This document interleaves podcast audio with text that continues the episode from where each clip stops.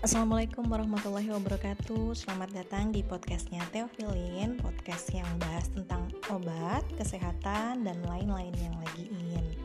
Nah untuk episode kali ini Saya akan membahas tentang vitamin D Karena kebetulan hari ini ada sosialisasi dari Badan POM mengenai uh, suplementasi vitamin D 1000 IU atau International Unit dan juga melatonin. Nah, yang melatonin kita bahasnya uh, next chapter mungkin ya.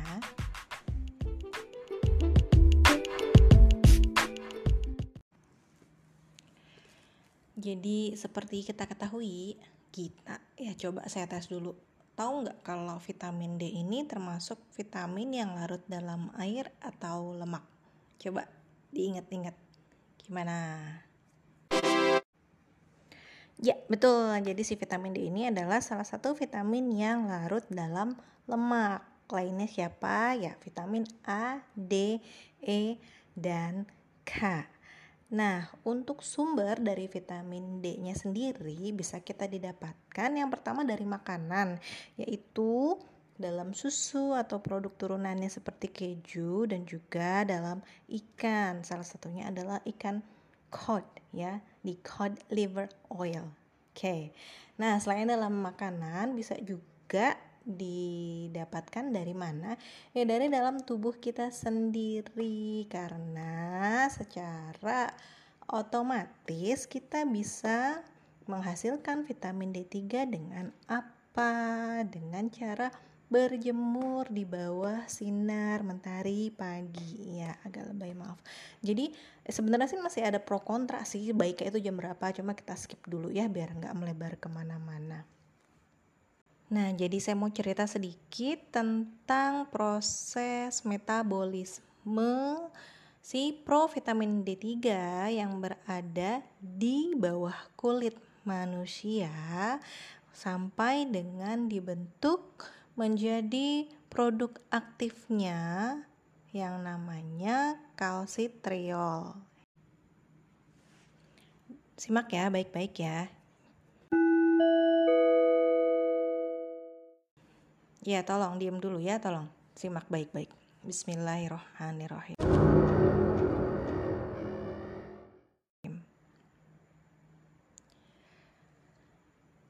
Jadi, provitamin D3 yang berada dalam bawah kulit manusia itu nama kerennya adalah 7 dehidrokolesterol. Ya, yang nanti setelah dia terpapar oleh sinar matahari, sinar UV-nya ya, dia akan diubah menjadi D3. Oke, D3 aja ya, nggak usah S1, S2 ya, bukan profesor juga. Oke, nah bentuk si vitamin D3 ini nama lainnya adalah kolkalsiferol. Si kolkalsiferol ini adalah produk yang dijual di pasaran ya. Nah, si kolkalsiferol ini dibawalah ke hati. Ya, seperti kita ketahui bahwa hati adalah tempat untuk metabolisme banyak banget molekul yang masuk ke tubuh kita. Ya salah satunya ini. Lain kali mungkin kita bahas ya bagaimana metabolisme uh, obat-obatan dalam hati. Ya makanya hatinya jangan disakitin terus ya nanti nggak bisa dia untuk memetabolisme obat-obatan atau makanan lain Oke, setelah sampai di hati, nanti si kolkalsiferol ini akan diubah menjadi yang namanya 25 hidroksikolkalsiferol. Oleh enzim ya enzimnya nggak usah disebutin lah ya nggak akan keluar kok nggak akan ditanya malaikat munkar nakir juga.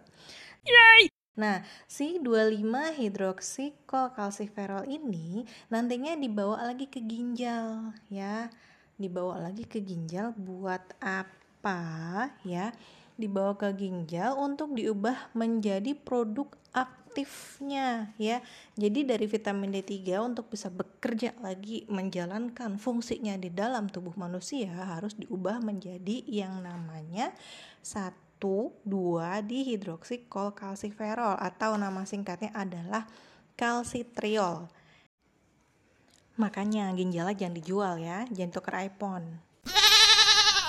Nah, di dalam ginjal ini dia dibantu oleh hormon namanya paratiroid ya.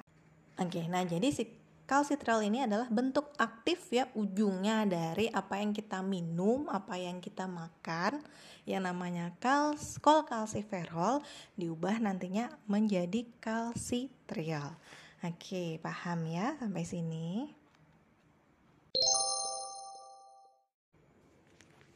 setelah diubah menjadi bentuk aktifnya yang bernama kalsitriol ini, dia baru bisa bekerja pada tempat kerjanya atau target organnya dia.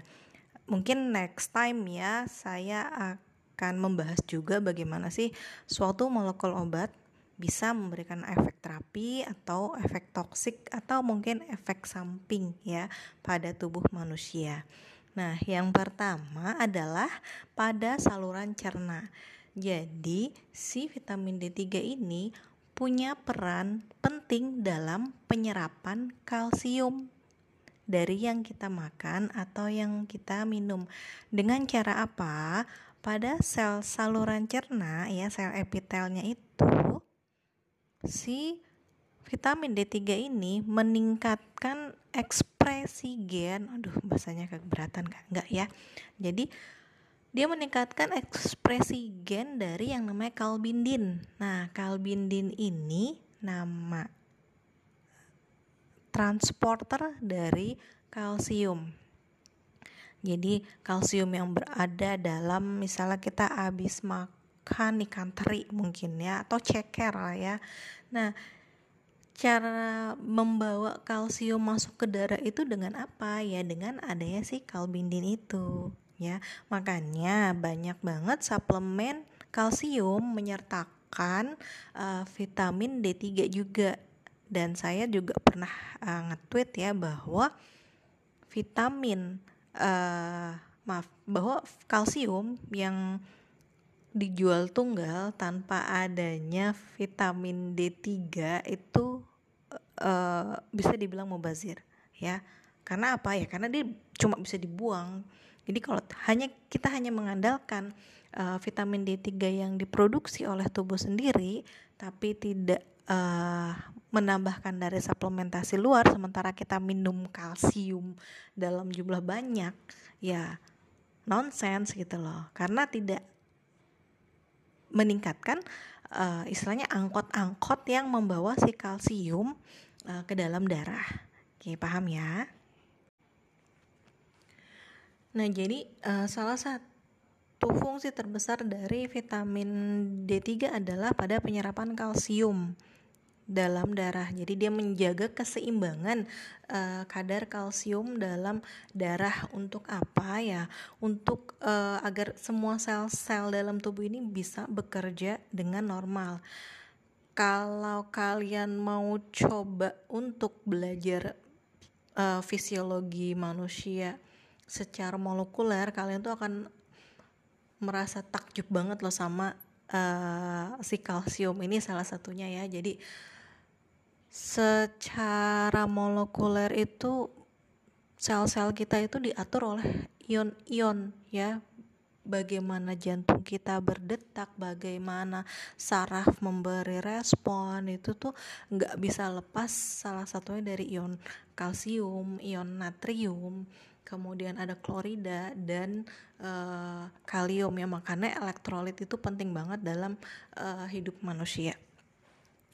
Oke, jadi uh, selain di saluran cerna, si kalsium yang dibawa vitamin D3 ini juga nantinya kita tahu bahwa dia penting untuk pembentukan tulang, kemudian bisa untuk uh, bekerja pada hormon maaf bekerja pada kelenjar paratiroid yang saya sebutkan di awal ya bahwa salah satu peran paratiroid itu membantu dari uh, pembentukan uh, vitamin D. Ya jadi sistem tubuh kita itu kan ada yang namanya negatif feedback mekanisme atau intinya mendapatkan keseimbangan lah mana yang kurang dilebihin mana yang lebih dikurangin nah itu ya salah satunya. Kemudian ditemukan juga bahwa vitamin D3 ini e, bermanfaat dalam sistem kardiovaskuler ya. Ini juga penelitiannya masih terus berkembang. Dan yang terakhir yang berhubungan dengan e, pandemi ini jadi sudah banyak penelitian yang menunjukkan bahwa kadar kalsium ah maaf pada orang dengan kadar vitamin D3 yang cukup yang cukup ya yaitu di sini disebutkan uh, kurang lebih 30 nanogram per mililiter itu tingkat keparahan dalam menderita COVID-19 ini lebih rendah dibandingkan dengan orang-orang yang kadar uh, vitamin D3-nya ini uh, rendah atau kurang dari 30 nanogram per mililiter. Jadi penelitiannya e, menyebutkan bahwa vitamin D3 ini berperan pada sistem imun antara lain karena apa? Ya karena yang tadi saya juga pernah disebutkan di awal bahwa e, ketika suatu suatu molekul bekerja pada suatu organ atau suatu sel itu karena adanya reseptor pada sel tersebut ya. Jadi adanya reseptor si obatnya itu atau si molekul itu nempel dan dia akan memberikan efek. Nah, penelitiannya menyebutkan bahwa vitamin D3 ini ada reseptornya pada uh, sel-sel imun manusia ya. Uh, di antaranya itu kayak B cell, T cell, makrofag dan juga namanya sel uh, dendritik. Nah, jadi yang berefek apa? Jadi dengan uh, dia menempel pada reseptor di sistem imun tersebut, dia akan memodulasi sistem imun tersebut ya yang pastinya akan menguntungkan uh, daya tahan dari tubuh manusia. Kemudian disebutkan juga bahwa uh, vitamin D ini memiliki sifat antibakteri, kemudian antivirus dan antifungi. Ya, jadi itulah kenapa vitamin D ini dirasa memiliki peran yang sangat penting dan mungkin masih tersembunyi ya yang banyak belum diteliti lebih jauh lagi oleh uh, para peneliti ya. Tapi yang bisa dapat disimpulkan sampai sini adalah bahwa dari penelitian-penelitian memang menyebutkan vitamin D uh, bisa membantu untuk mengurangi keparahan bagi para penderita uh, eh, COVID-19 ya. Nah, pertanyaannya adalah perlu nggak sih kita minum suplemen vitamin D3 ini? Jawabannya kalau mau ideal sih ya, baiknya ya silahkan dicek dulu kadar vitamin D dalam darah. Kalau uh, ada di bawah normal ya mungkin kita termasuk yang perlu suplementasi ini. Tapi kalau memang sudah cukup ya sudah nggak usah ya. Terusin aja makan makanan bergizinya dan juga uh, berjemur di bawah sinar matahari kalau ingat tuh ya dulu zaman zaman awalnya covid itu kan pada rame banget berjemur tapi sekarang ya gitu ya maklumlah uh, rakyat uh, plus 62 ya ya anget-anget ayam.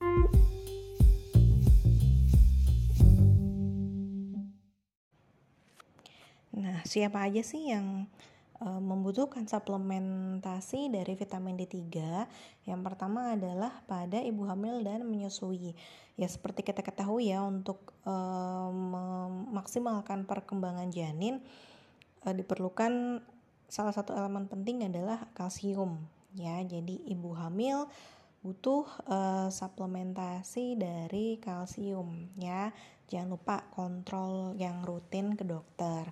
Kemudian yang kedua, kalau ini jujur aja menurut uh, opini saya ya. Karena saya uh, suka heran gitu kalau baca jurnal luar negeri tuh vitamin D3-nya itu tinggi banget dibandingkan dengan yang ada di Indonesia yang beredar ya kan kita tahu bahkan merek-merek impor itu bisa sampai 5000 IU padahal di Indonesia yang seperti saya bilang ya paling 200 sampai 400 IU aja nah itu karena mungkin mereka ini kan uh, kekurangan sinar matahari ya jadi itu salah satu privilege juga buat uh, kita sebagai bangsa Indonesia yang berada di iklim tropis untuk dapat uh, memaksimalkan sinar mentari dalam proses metabolisme dari vitamin D3. Selanjutnya juga bisa dipakai untuk orang dengan kelainan fungsi hati dan ginjal.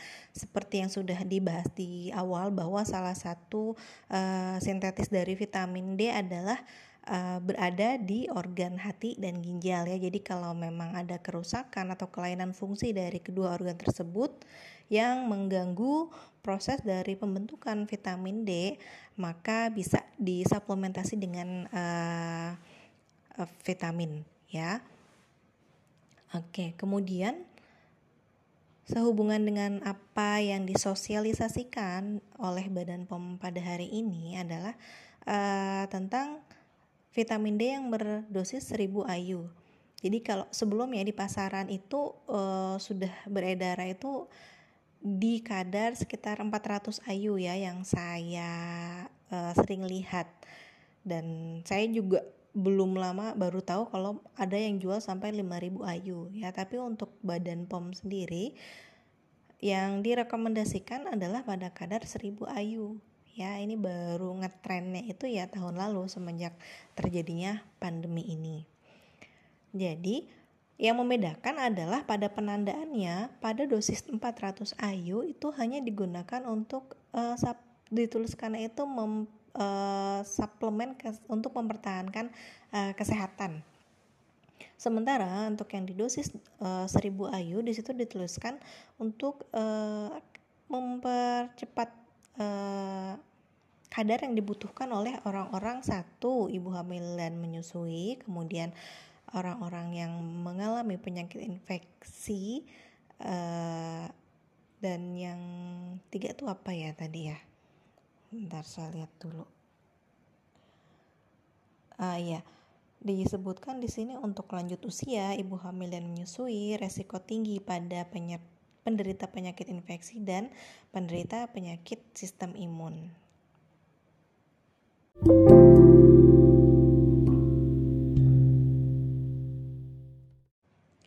Untuk angka kecukupan gizi sendiri dari si vitamin D3 itu bervariasi ya sumbernya. Kalau dari Badan POM yang pernah saya baca itu di angka sekitar 400 IU ya.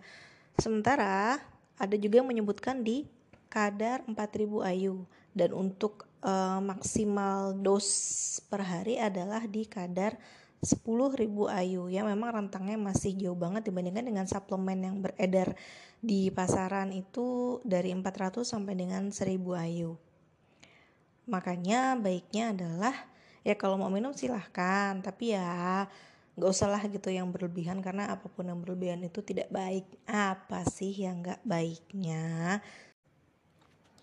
Jadi mengulang sedikit ya di awal bahwa vitamin D3 ini penting untuk penyerapan kadar kalsium.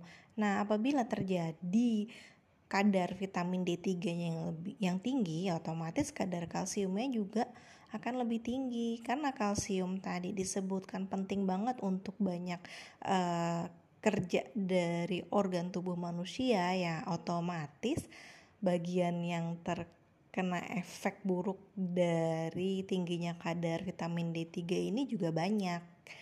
Nah, jadi yang saya baca tadi ada sebutan untuk uh, toksisitas dari uh, vitamin D3 ini ada uh, yang gampang diucapkan adalah bone, stone, ground dan mon ya uh, tolong jangan ada grammar Nazi di antara kita. Oh bukan grammar ya. Ya whatever lah. Nah untuk bone yaitu pertama adalah sakit pada tulang ya. Udah paham lah ya. Udah tahu. Udah sistematis lah ya. Insya Allah mikirnya. Kemudian pada stone yaitu tadi ya kalsium bisa membentuk kalsium oksalat pada ginjal yang akan menyebabkan terjadinya batu ginjal. Kemudian ground itu di sini disebutkan adalah uh, penyakit pada otot ya. Biasanya uh, pada nyeri kemudian lemah terus gout ya perasa nyeri. Kemudian yang terakhir mon itu adalah pada sistem psikiatri ya. Jadi bisa juga terjadinya depresi anxiety capek gangguan tidur ya. Dan juga tadi disebutkan bahwa si vitamin D3 ini bekerja pada sistem uh, pencernaan ya tadi Nah, makanya kelebihan kadar vitamin D3 ini juga dapat menyebabkan mual, muntah, terus bahkan disebutkan ada anoreksia dan lain-lain yang intinya nggak enak perut lah ya. Oke. Okay.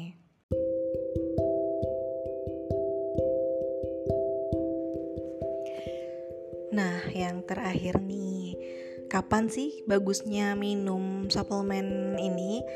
Jadi kalau untuk uh, waktunya bagusnya adalah di pagi hari. Kemudian untuk cara minumnya adalah baiknya diminum uh, bersama makanan dan kalau bisa itu makanannya adalah makanan yang mengandung lemak. Karena apa?